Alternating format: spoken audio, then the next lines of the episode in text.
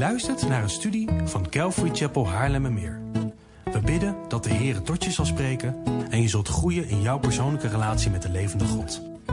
Bezoek voor meer informatie onze website calvarychapel.nl.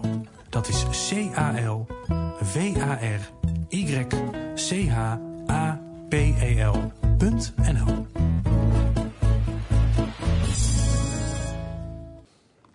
Vanmorgen uh, ronden wij de meerdelige preekserie over het kerkelijk bestuur af. En we gaan kijken naar de bestuursvorm uh, waar wij als Calvary Chapel voor gekozen hebben.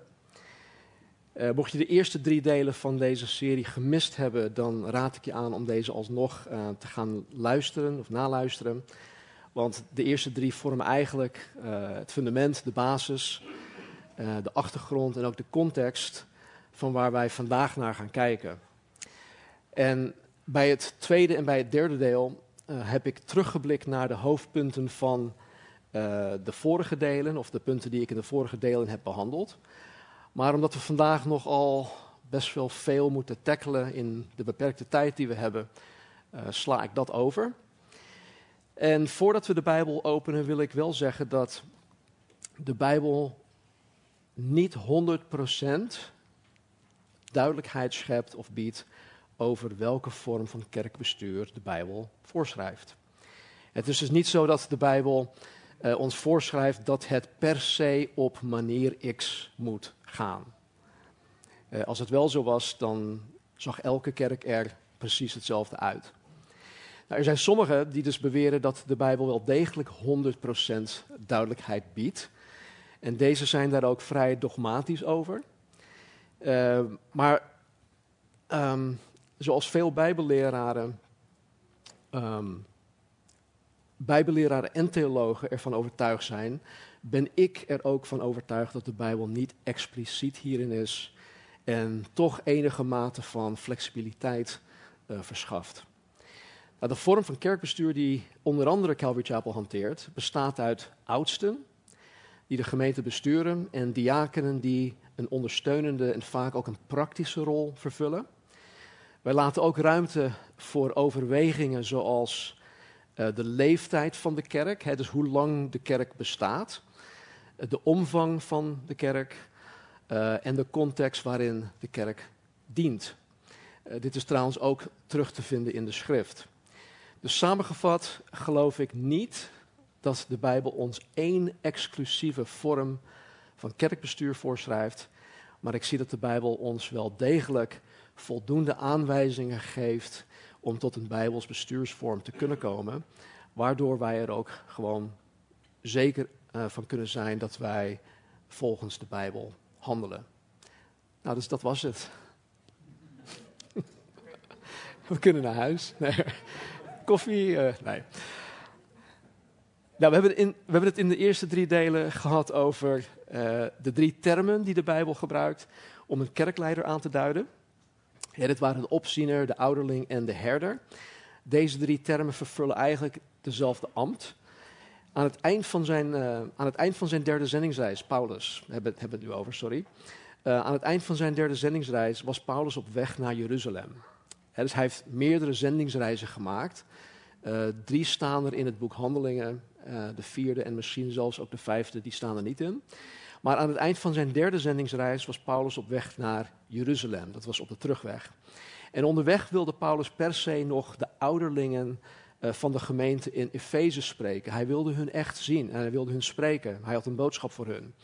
Maar hij had geen tijd om naar Efeze toe te gaan, uh, want dan zou het een, hij zou een omweg uh, daarvoor moeten maken. Maar kijk wat er, kijk wat er gebeurt. In Handelingen um, hoofdstuk 20, vers 16 en 17. Paulus had zich voorgenomen Efeze voorbij te varen om geen tijd in Azië te hoeven doorbrengen. Want hij haastte zich om, als het mogelijk voor hem was, op de Pinksterdag in Jeruzalem te zijn. Maar hij stuurde iemand uit Mileten naar Efeze en liet de ouderlingen van de gemeente halen tot zover. Dus Paulus die komt in Mileten terecht. Hij stuurde iemand blijkbaar van tevoren al om de ouderlingen uit Efeze naar hem toe te halen. En eh, om hem daar in Mileet te ontmoeten. En de ouderlingen, dat is het woord presbyteros in het Grieks, wat ook gewoon ouderlingen betekent. En kijk dan wat Paulus, kijk naar wat Paulus tegen deze ouderlingen zegt. Uh, even kijken, dat is hier. Even verderop in hoofdstuk 20. Hij zegt tegen hen: Zie dan toe op uzelf en op heel de kudde, te midden waarvan de Heilige Geest u tot opzieners aangesteld heeft, om de gemeente van God te wijden die hij verkregen heeft door zijn eigen bloed. Dus tegen de ouderlingen, de presbyteros, die Paulus uit Efeze liet halen, zei hij dat de Heilige Geest hen tot opzieners, episcopos, heeft aangesteld om de gemeente van God te wijden, te poimaino, te herderen, waar we het vorige week ook over hadden. En dus in dit schriftgedeelte, alleen in dit vers alleen, zien wij dus dat Paulus deze kerkleiders, um, deze kerkleiders uit Efeze, met alle drie termen in verschillende woordvormen aanspreekt. Het zijn ouderlingen, de Heilige Geest heeft hen tot opzieners aangesteld en zij moeten de kudde gaan herderen. Ze moeten hun gaan uh, hoeden en, en, en, voeden. En um, dit is niet de, enige plek waar dit in het Nieuwe Testament voorkomt. Het komt in meerdere plekken voor. Ik zal nog één voorbeeld noemen. Dat is in 1 Petrus 5, uh, vers 1 tot en met 4. Petrus spreekt hier en hij zegt: De ouderlingen onder u roep ik ertoe op als, als mede-ouderling en getuige van het lijden van Christus en deelgenoot van de heerlijkheid die geopenbaard zal worden. Hoed de kudde van God die bij u is en houd daar toezicht op. Niet gedwongen, maar vrijwillig. Niet uit winstbejag, maar bereidwillig. Ook niet als mensen die heerschappij voeren over het erfdeel van de Heer, maar als mensen die voorbeelden voor de kudde geworden zijn. En als de opperherder, dat is Jezus Christus, verschijnt, zult u de onverwelkbare krans van de heerlijkheid verkrijgen. Hier roept Petrus als mede-ouderling de ouderlingen op om de kudde van God die bij hen is te hoeden, te poimaino, te herderen. En daar uh, toezicht op te houden. Nogmaals, hetzelfde woord epis, episcopeo. Dus ook drie van die elementen um, staan in, in, in, dit, in dit schriftgedeelte. En ook hier zien wij dus dat alle drie termen of functies bij de leiders van een plaatselijke kerk horen. Nou, natuurlijk zijn er volgens andere schriftgedeelten, zoals um, Romeinen hoofdstuk 12 en 1 Korinthe 12, meerdere geestelijke gaven in de gemeente werkzaam. Ja? Uh, maar waar het gaat om de functie en om de persoon van een kerkleider, dan komt het uiteindelijk neer op deze drie benoemingen. En om het mezelf en jullie ook makkelijker te maken, zal ik van nu af aan gewoon de term oudste gebruiken. Wanneer ik naar een kerkbestuurder of kerkleider verwijs, weet dan wanneer ik oudste zeg dat ik eigenlijk gewoon alle drie bedoel. Laten we eerst gaan kijken naar de schriftgedeelte in het Nieuw Testament waarin sprake is van het aanstellen van oudsten, of waar oudsten expliciet in voorkomen. In Handelingen hoofdstuk 14, vers 23. Um, is hij aan? Ja. Oké, hij wordt hier niet. Ah, nu wel. Um, staat dit. En toen zij, nu hebben we het over Paulus en Barnabas, die waren op hun eerste zendingsreis. En toen zij in elke gemeente voor hen ouderlingen gekozen hadden en onder vasten gebeden hadden, droegen zij hen op aan de Here, in wie zij nu geloofden. Nogmaals, Paulus en Barnabas die waren op hun eerste zendingsreis. En op hun terugreis naar hun thuisgemeente keerden zij terug naar de plaatsen waar zij op de heenweg uh, kerken hadden gesticht. Ja, dus ze gingen naar het noorden toe en gaandeweg hadden ze kerken gesticht. Ze maakten een U-turn en ze gingen weer terug langs al die kerken waar zij dan, um, waar zij dan ja, die kerken hadden gesticht. En het was op deze plaatsen, uh, in deze kerken, dat Paulus en Barnabas oudsten hadden aangesteld. Dat is dit vers. Ze hadden, um, wat ik net ook zei, in eerste instantie op de heenreis hadden ze geëvangeliseerd. Ze hadden het evangelie hier en daar verkondigd. Ze hadden discipelen gemaakt. Maar om zo'n groep discipelen ehm, stuurloos en zonder een leider aan hun lot over te laten, dat, dat is natuurlijk niet Gods bedoeling. God wil niet dat wij alleen zijn en dat wij zonder leiding ehm, maar in het, in het duister blijven tasten. Want dat is ook niet wat de grote opdracht ons leert. Nee, de grote opdracht is wat? Om discipelen te maken. En niet alleen te gaan voor beslissingen voor Christus, hè, want dat gebeurt ook. En zo zorgden Paulus en Barnabas ervoor dat deze pasgeboren christenen niet alleen als individuen werden uh, gediend, maar ook als groepen. Groepen die door oudsten geleid moesten worden. En het eerste dat hiervoor nodig was, was om leiders aan te stellen, zodat deze groepen georganiseerd, uh, geleid, gediscipeld en ook gewoon toegerust konden worden. Uh, we weten uit de, de, de hoofdstukken in 1 Korinthe 12 tot en met 14, daar eindigt Paulus ook mee, dat in Gods gemeente alle dingen op een gepaste wijze en in goede orde horen te gebeuren. En dat kan niet zonder duidelijk en sterk leiderschap. Om deze reden stelde Paulus en Barnabas in deze gemeenten en op deze plaatsen dan ook oudste aan. Nou, we hebben al gekeken naar Handelingen 20, maar nogmaals, um, Handelingen 20, vers 17. Paulus stuurde iemand uit Mileten naar Efeze en liet de ouderlingen van de gemeente halen. Nou, we weten uit, um, uit Handelingen 19 dat Paulus de gemeente in Efeze had gesticht met een groepje van twaalf mannen. En dat hij zo'n 2,5 jaar tot drie jaar lang in Efeze bleef om die gemeente te onderwijzen, om die gemeente toe te rusten. Hij bleef daar vrij lang, langer dan bij uh, andere plekken. En uit Handelingen 20 weten wij dat Paulus de ouderlingen uit Efeze bijeenriep om hem in Milet te ontmoeten. Dit betekent dus dat Paulus in die periode van 2,5 tot 3 jaar, toen hij in Efeze was, dat hij in die periode ook oudsten had aangesteld. Anders waren zij er niet. Anders waren er geen oudsten om uit Efeze naar Mileten te brengen. Ja, dus het was dus Paulus' gewoonte om oudsten aan te stellen in de kerken die hij had geplant. Later zien wij dit ook terugkomen wanneer hij zijn pastorale brieven schrijft aan Timotheus en ook aan Titus. En dan zien we meteen in Titus hoofdstuk 1, vers 1 tot en met 5 het volgende. Dit is de opening van de brief.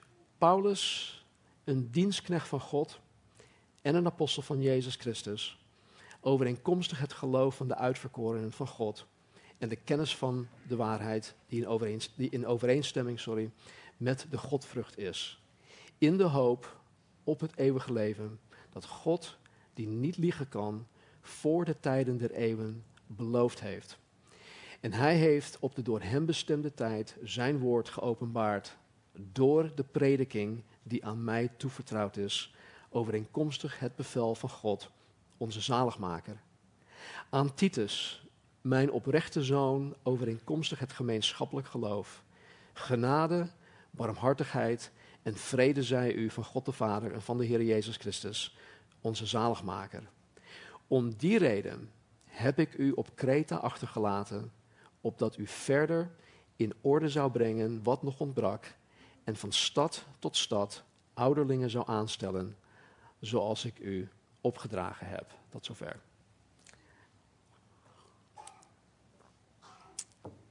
Nou, we weten niet precies wanneer Paulus Titus op Kreta had achtergelaten.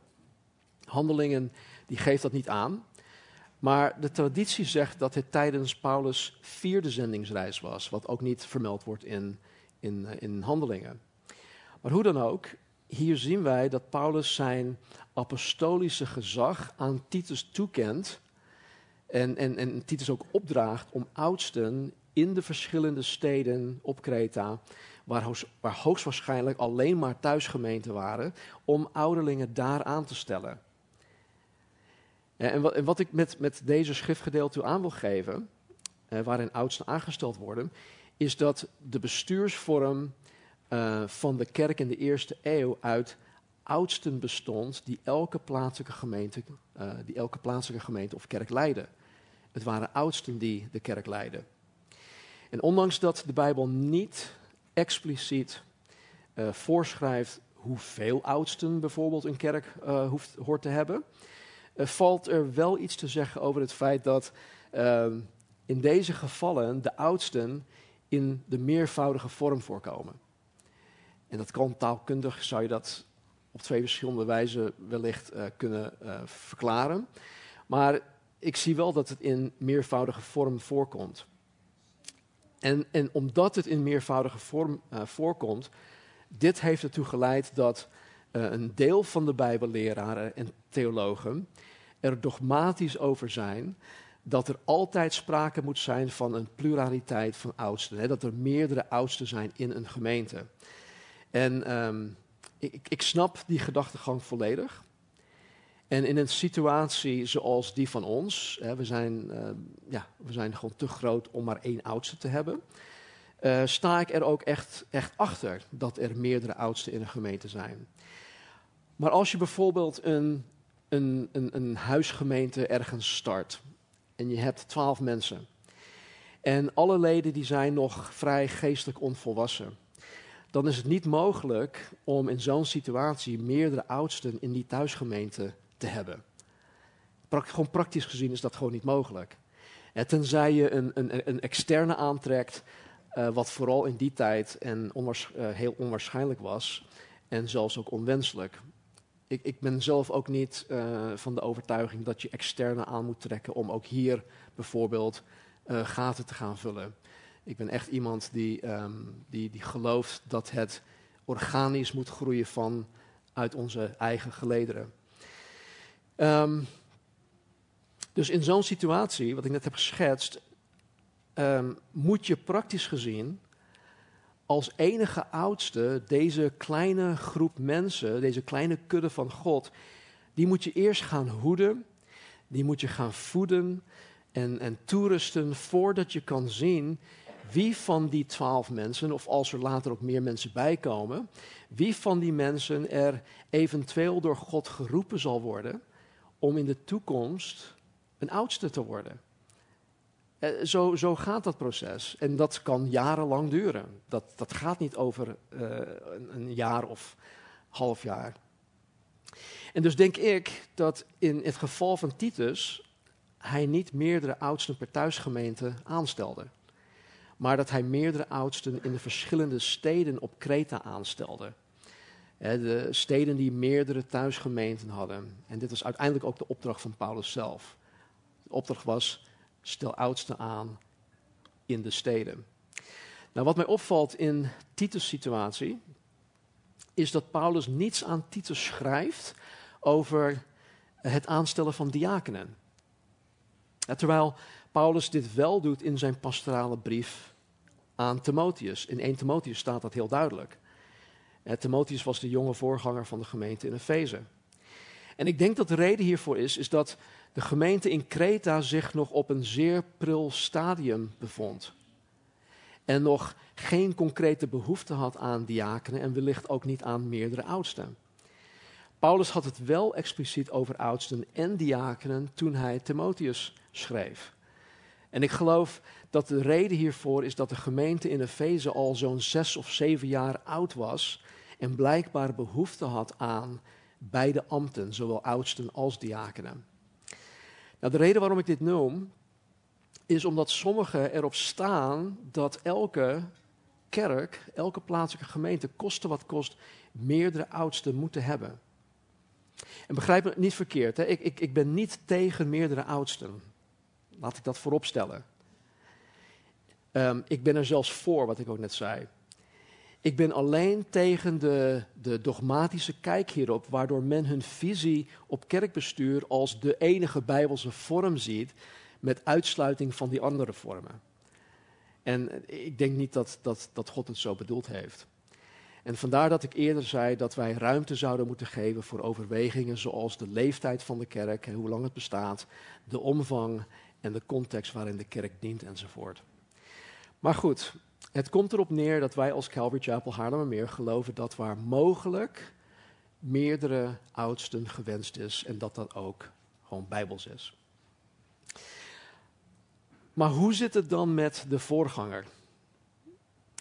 Hoe zit het dan met de voorganger in de plaatselijke gemeente? Is de voorganger dan niet de leider van de gemeente? En waar zien wij dat model in de Bijbel terugkomen? Dan laten we gaan kijken naar een aantal schriftgedeelten in het Nieuw Testament waar dit model niet expliciet, maar impliciet in voorkomt. Ehm, zoals we ja, dit model eigenlijk uh, vandaag de dag over het algemeen ook um, kennen. En uh, jullie die uit andere kerken zijn gekomen, die hebben vast wel ervaring met een model waar één voorganger um, de leider is van de gemeente.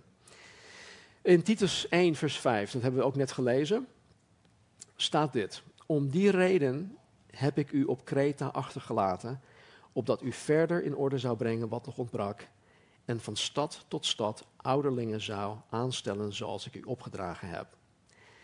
Nou, hier hebben we al naar gekeken, maar wat ik nu wil belichten is dat Paulus deze brief schrijft aan Titus. Hij schrijft de brief aan Titus, aan één man. Tegelijk ook de voorganger van de gemeente op Kreta. Paulus kent zijn apostolische gezag aan één man toe, namelijk deze Titus, om onder andere de taak om oudsten aan te stellen. In alle opzichten was Titus dus daar gewoon de voorganger. En het werd um, uh, aan deze pastor of de voorganger geschreven. Niet voor niets heten deze drie brieven, 1 Timotheus, 2 Timotheus en Titus, de pastorale brieven. In het Engels is het woord voor voorganger pastor.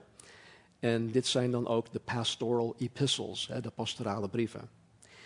Um, in 1 Timotheus hoofdstuk 1, vers 3 tot en met 5 uh, staat: Ik herinner u eraan, Paulus schrijft hier uh, aan, aan Timotheus. Ik herinner u eraan hoe ik u, toen ik naar Macedonië reisde, ertoe opgeroepen heb in Efeze te blijven. Om sommigen te bevelen geen andere leer te onderwijzen zich ook niet bezig te houden met verzinsels en eindeloze geslachtregisters die meer twistgesprekken opleveren dan door God gewerkte opbouw in het geloof. En het einddoel nu van het gebod is liefde die voortkomt uit een rein hart, een goed geweten en een ongeveinsd geloof. Tot zover. Dit is een heel klein stukje uit het begin van Paulus' brief aan Timotheus, de, de jonge voorganger van de gemeente in Efeze. En even verderop schrijft Paulus dit in uh, hoofdstuk 3, vers 14 en 15. Deze dingen schrijf ik u in de hoop spoedig naar u toe te komen. Maar voor het geval dat ik langer wegblijf, weet u nu hoe men zich moet gedragen in het huis van God. Dat is de gemeente van de levende God, zuil en fundament van de waarheid. Door deze gehele brief heen kunnen we zien dat Paulus één man, Timotheus, aanspreekt over hoe de kerk in Efeze gerund dient te worden. Deze brief die, die was toen en die is nog steeds, in mijn optiek, in onze optiek, de handleiding, de handleiding voor hoe voorgangers de gemeente van God hoort te leiden en te runnen. En nogmaals, het werd aan één man, de voorganger, geschreven. En hetzelfde geldt ook voor 2 Timotheus. In 2 Timotheus 2, vers 1 en 2 staat, een, staat uh, dit stukje. Nogmaals, Paulus schrijft hier aan Timotheus. U dan, mijn zoon, wordt gesterkt in de genade die in Christus Jezus is. En wat u van mij gehoord hebt onder vele getuigen, vertrouw dat toe aan trouwe mensen die bekwaam zijn om ook anderen te onderwijzen.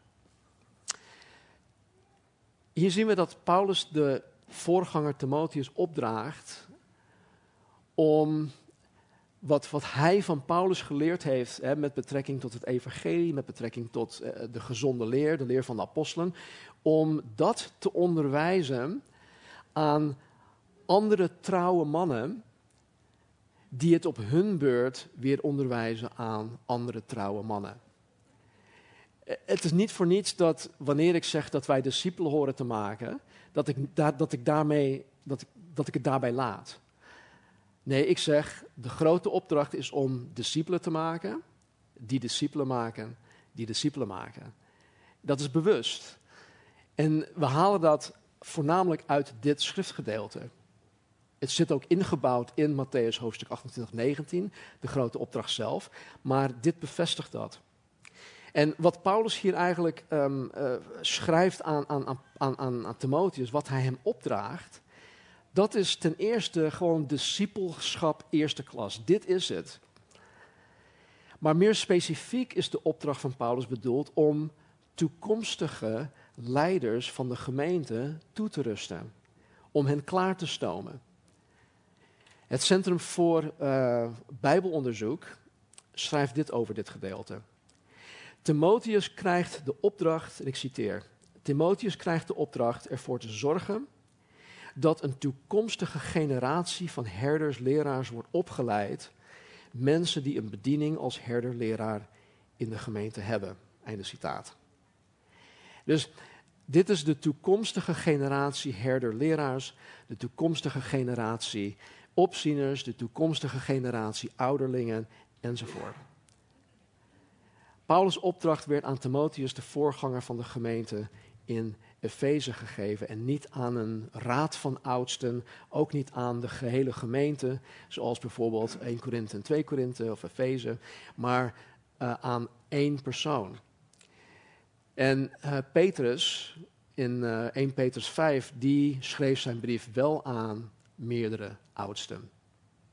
Nou, op basis van wat we tot nu toe hebben gezien, denk ik dat de Bijbel zowel pleit voor een pluraliteit van oudsten, dus meerdere oudsten in een gemeente, als voor een, uh, een, een, door één voorganger geleide kerk. We zien beide uh, voorbeelden hiervan. Nou, tot slot wil ik naar een schriftgedeelte kijken waar, um, waar wij, denk ik, um, elementen van beide vormen um, elementen van beide modellen tegen gaan komen. Het is een heel hoofdstuk, maar het is ja, een vrij kort hoofdstuk. Exodus hoofdstuk 18. Dus als je je Bijbel open wil slaan, is dat prima. Ik zal het ook uh, hier projecteren. Exodus hoofdstuk 18. Um, het spreekt voor zich, dus ik ga geen uh, inleiding geven.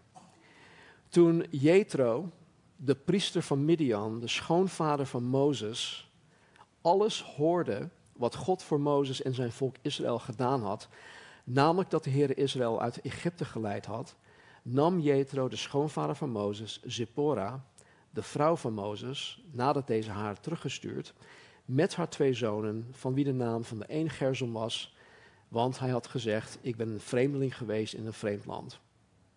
En de naam, sorry, en de naam van de ander was Eliezer, want hij had gezegd, de God van mijn vader is mij tot hulp geweest en heeft mij gered van het zwaard van de farao.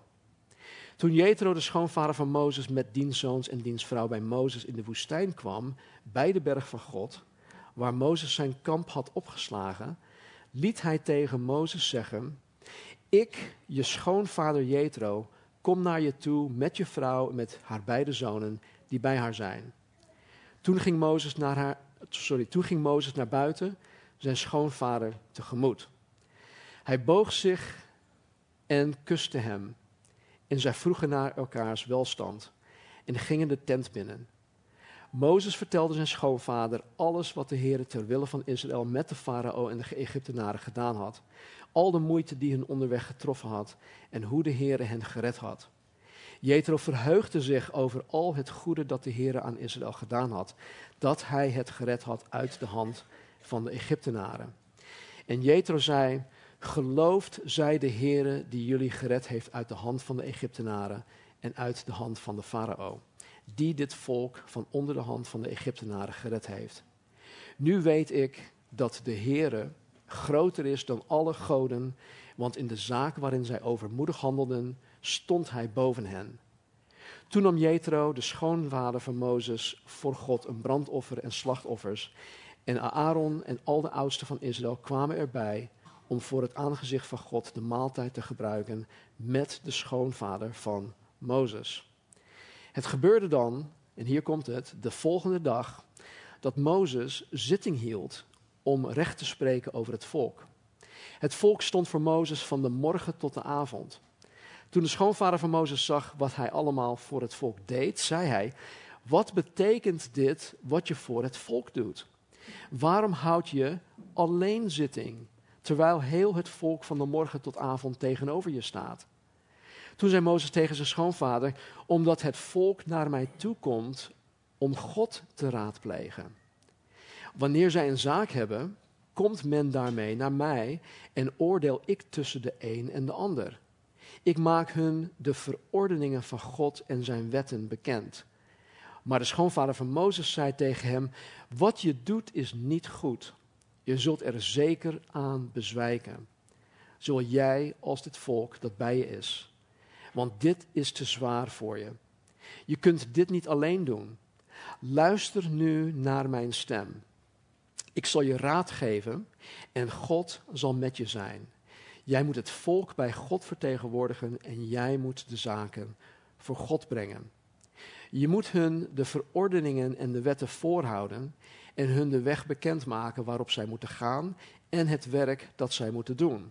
Jij echter, jij moet daarnaast onder heel het volk omkijken naar bekwame mannen Godvrezende, betrouwbare mannen die een afkeer hebben aan van winstbejag.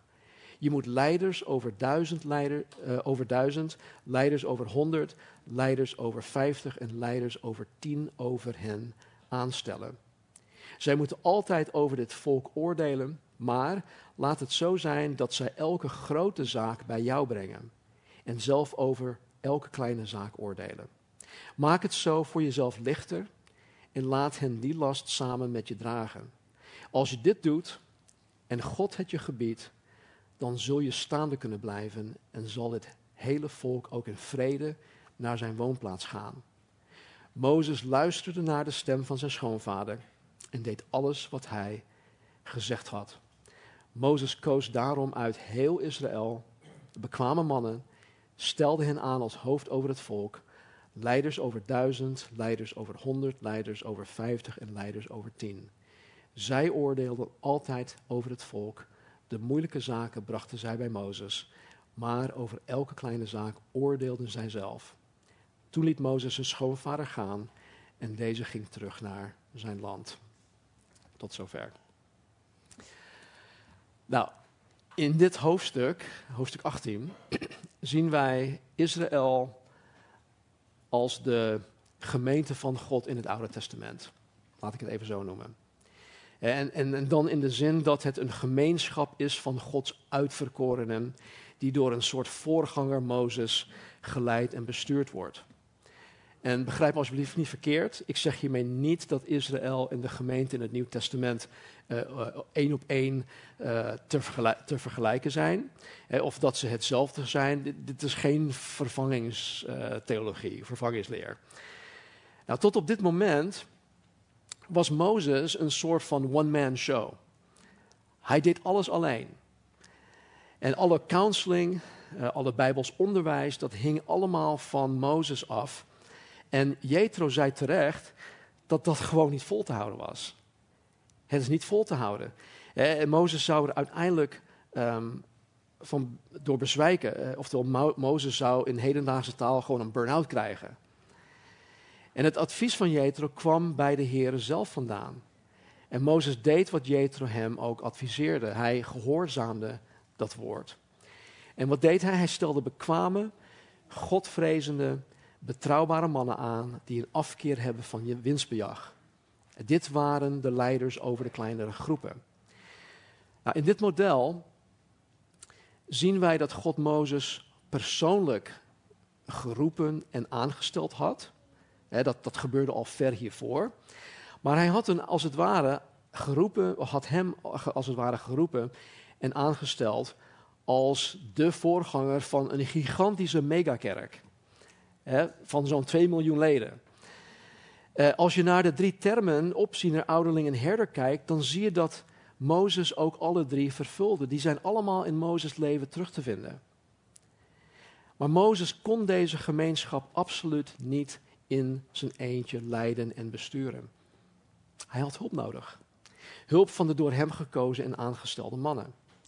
Nou, in dit model en ook in de context van Mozes en Israël weten we dat God eigenlijk alleen direct met Mozes sprak. en vervolgens sprak Mozes uh, tot het volk. En als je dit dan in een, in een organigram had, uh, zou zetten, dan uh, zou God bovenaan staan. Direct daaronder zou Mozes staan. Daaronder zouden de door Mozes aangestelde mannen uit Exodus 18 staan en daaronder het volk.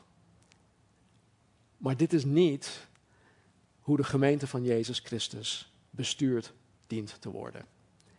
Dit is niet het Nieuw-testamentisch model. We kunnen hier wel iets van leren, maar ik ben geen Mozes. Die verantwoordelijkheid wil ik totaal niet. Dus laten we dat even terzijde zetten. Maar God riep in het Nieuwe Testament en roept vandaag de dag nog steeds individuele mannen om specifieke taken uit te voeren. Denk bijvoorbeeld aan de schrijvers die jullie wellicht lezen. Denk aan Charles Spurgeon. Denk aan uh, Andrew Murray of J.I. Packer of R.C. Sproul of John MacArthur of Paul Tripp of Mark Dever of John Piper en ga zo maar door. Zij werden persoonlijk door de Heer geroepen om te doen wat zij hebben gedaan, of nog steeds doen. En ook deze waren allemaal in hun respectievelijke kerken de voorganger. Als je bijvoorbeeld denkt aan Grace Community Church in, uh, in Sun Valley in, in, Los Angeles, Californië. Als je, de willekeur, als je willekeurig iemand vraagt wie is de voorganger van, van Grace Community? John MacArthur, hallo. Maar hij beweert, en ik weet dat hij ook zo handelt, hij is gewoon een van de meerdere oudsten van de 5, 34 voorgangers in die gemeente. Maar snap je, wij zien het wel zo. En, en zij werden dus, dus deze mensen, ook, ook John MacArthur, die werden persoonlijk door de Heer geroepen om te doen wat zij horen te doen. Denk bijvoorbeeld aan iemand die een nieuwe kerk op een nieuwe plek gaat pioneren, of in een ander land of op een ander continent gaat pioneren. Die een nieuwe kerk gaat stichten en herderen. Het bewijs van dit soort gevallen zien wij door de gehele kerkgeschiedenis heen. Paulus is zelfs zo'n voorbeeld. Paulus Barnabas. Kijk naar al die zendingsreizen van Paulus en Barnabas en Titus en Timotheus. Dus ondanks dat deze um, individuen van het Nieuwe Testament en ook van het tijdperk van de kerk niet zijn zoals Mozes, worden ze wel als individu door God geroepen en aangesteld. En dus dat moeten we niet um, voor ogen verliezen of uit het oog verliezen. Nou, dit alles gezegd hebbend, wil ik duidelijk maken dat ik, dat wij als Calvary Chapel, Calvary Chapel Haarlemmermeer, geloven in zowel een pluraliteit van oudsten, dus meerdere oudsten in de kerk, waar dat mogelijk is. Want God moet mensen ook doen opstaan, God moet mensen ook roepen. En wij geloven in het ambt van de voorganger. Ja, maar daar is geen model voor. Dat staat nergens in de boeken. In de praktijk betekent dat gewoon in, in ons geval, ik kan alleen voor mezelf spreken, maar dit betekent in ons geval, in de praktijk, als, um, als Calvary Chapel meer, dat, dat God mijn persoon geroepen heeft om vanuit Californië naar Nederland te komen om hier een Calvary Chapel te pionieren, te stichten, te herderen. Maar zoals Mozes het niet in zijn eentje kon blijven doen. En omdat het Nieuw Testament ook pleit voor meerdere oudsten, en waar dat mogelijk is, heb ik vanaf het begin in 2007 getracht om mannen te discipelen die God in de toekomst mogelijk als oudsten zou roepen en aanstellen. Dat kost tijd. Dat kost heel veel inspanning. En het gaat niet van de ene dag op de andere dag. Je kan niet een kerk beginnen met meerdere oudsten. Het zou wel kunnen, maar dan ja, zit er heel veel voorwerk aan en waarschijnlijk ook heel veel mensenwerk. Nou, in eind 2010, dus dat was ehm, vier jaar nadat wij begonnen waren, begon ik vier mannen, inclusief Casper, die toen 17 jaar oud was, te discipelen. En ik begon hen te discipelen met het oog op de toekomstige generatie oudsten. Ik was doelbewust en doelgericht bezig. Ik had hen uitgenodigd om elke week bij ons te komen eten, om te fellowshippen, uh, voor bijbelstudie en om de kerkzaken met elkaar te bespreken. Mijn doel was om hun te discipelen door mijn leven met hen te delen, ons leven met hen te delen. En zij hun leven met mij en met ons. En ook was het belangrijk om hen te betrekken bij alles dat ik als voorganger op mijn bordje kreeg. En ze kregen de hoogtepunten van de bediening heel, van heel dichtbij te zien. Uh, en ook de, de lelijke en de zware en de moeilijke kant van de bediening. Dat kregen ze ook van heel dichtbij te zien. Kortom, alles waar ik als voorganger mee te maken kreeg, betrok ik hen erbij.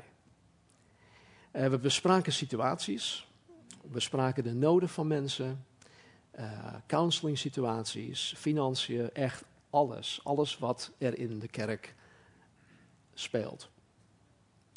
En na verloop van tijd liet de Heer ons zien wie Hij aan het roepen was.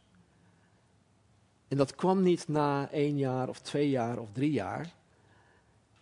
Dat kwam pas veel later. En na verloop van tijd zagen we dus um, dat de Heer ons liet zien wie Hij aan het roepen was, wie Hij aan het bekwamen was, wie Hij op het oog had om in de toekomst een oudste te worden. En uh, ik zie hem daarachter zitten. Casper de Haan is hier het levende bewijs van. Hij heeft dat proces doorlopen. En hij is het levende bewijs van, hij is de vrucht eigenlijk van deze inspanning. En sinds 22 november 2015 is Casper er officieel bijgekomen als oudste van de Calvary Chapel Haarlemmermeer. En alles dat wij als oudste alles dat wij als oudste team samen met de gemeente hebben bereikt, hebben wij samen altijd in overleg, altijd unaniem gedaan. Ja, maar Stem, dat is makkelijk. Zo'n jonge, zo'n jonge gozer. Hij is gewoon een ja-knikker. Ja, geloof je dat zelf? Kasper, een ja-knikker.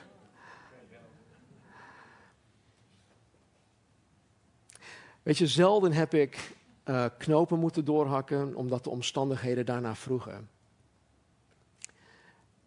Maar vraag gewoon aan Casper hoe wij samen de gemeente leiden. Dus ja, een, een team dat uit meerdere oudsten bestaat is wat wij hanteren.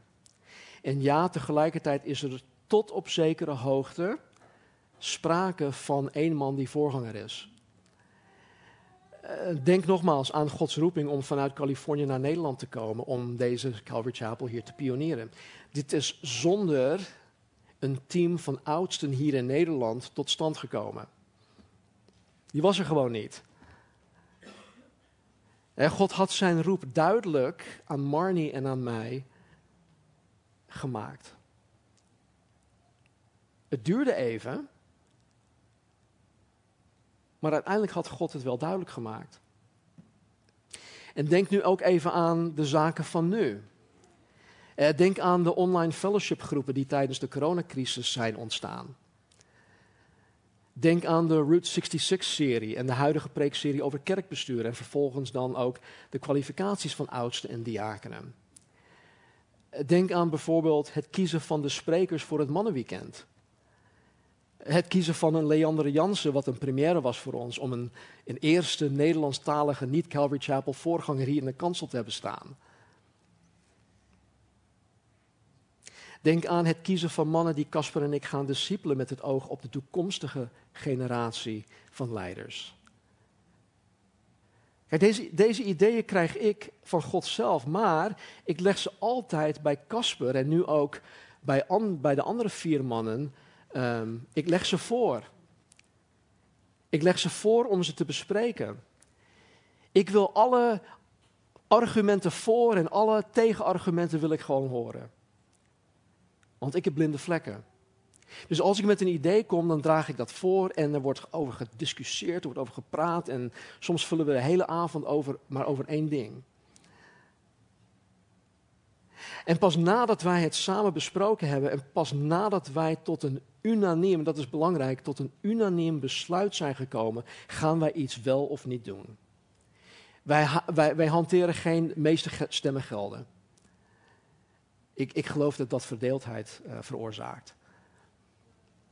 want als de geest van Jezus Christus in mij woont en in Casper woont en in Martien en in Taco en in Sander en in, in André, dan kunnen wij niets anders dan tot een unaniem besluit komen. En als dat niet zo is, dan gaan we daarvoor in gebed. Totdat we het wel unaniem is. En trouwens, ik ben niet de enige hoor die die ideeën aandraagt. Casper en de andere mannen dragen trouwens ook ideeën aan uh, die wij met elkaar bespreken, die wij hier ook implementeren. Nou, iemand heeft ooit in het verleden deze bestuursvorm, wat we net gelezen hebben in Exodus 18, het Mozes-model genoemd. En als je begrijpt hoe dit in de praktijk hoort te werken, dan is dat prima. Maar deze term ik denk dat het tekort schiet.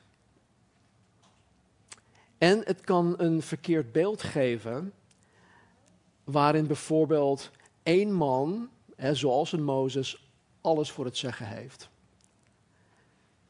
En, en dat is absoluut niet het geval hier in de Calvary Chapel Haarlemmermeer. En tot slot is de integriteit, de integriteit het karakter, de geestelijke volwassenheid van de leider het allerbelangrijkst. Het model, ja, dat, dat doet er minder toe dan het kaliber van de leider zelf. En voor nu, zolang het geestelijke kaliber van de oudste op peil is, werkt deze vorm van kerkbestuur. En als je hierover vragen hebt, weten jullie mij te vinden, weten jullie Casper te vinden. Ik denk dat het veel belangrijker is om het aan Casper te vragen en aan Sander, André, Martien en Taco. Maar goed, jullie mogen het ook aan mij vragen. Aanstaande zondag pakt Casper um, Romeinen op. En dan begint hij volgens mij met hoofdstuk 11. Prachtig hoofdstuk. Ontzettend rijk. Dus bid ook voor Casper de komende weken voor zijn voorbereiding. Maar voor nu houden we het hierbij, of laten we het hierbij. Um, de eerstvolgende preekserie wat hier uh, bij aansluit, heeft te maken met de kwalificaties van de oudste en de diaken. Uh, om te zien wie zo'n iemand zou kunnen zijn. Laten we bidden. Hemelse Vader, dank u wel voor wie u bent. Dank u wel voor uw woord. Dank u wel dat um, dat wij ons kunnen berusten in het feit dat u de gemeente bouwt.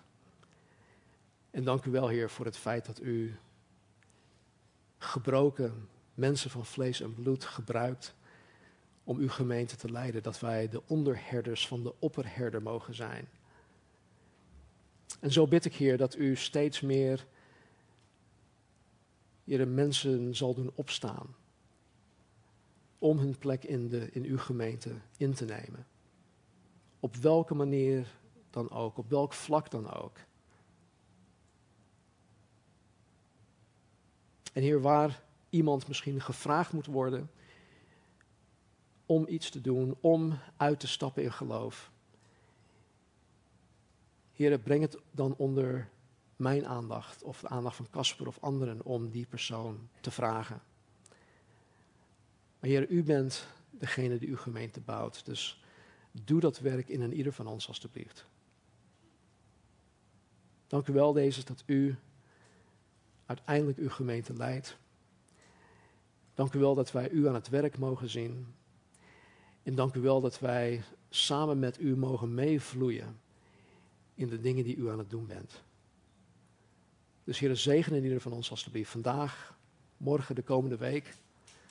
Behoed en bewaar ons. Help ons om u te gehoorzamen. Help ons om heel dicht bij u te blijven. Houd ons alstublieft allemaal kort. Laat ons nergens mee wegkomen. Heer, zodat we u niet beschamen. Vervul ons met uw geest. En help ons, Heer, om getuige te zijn van uw goedheid, uw trouw, van het evangelie, van het leven. In Jezus' naam. Amen.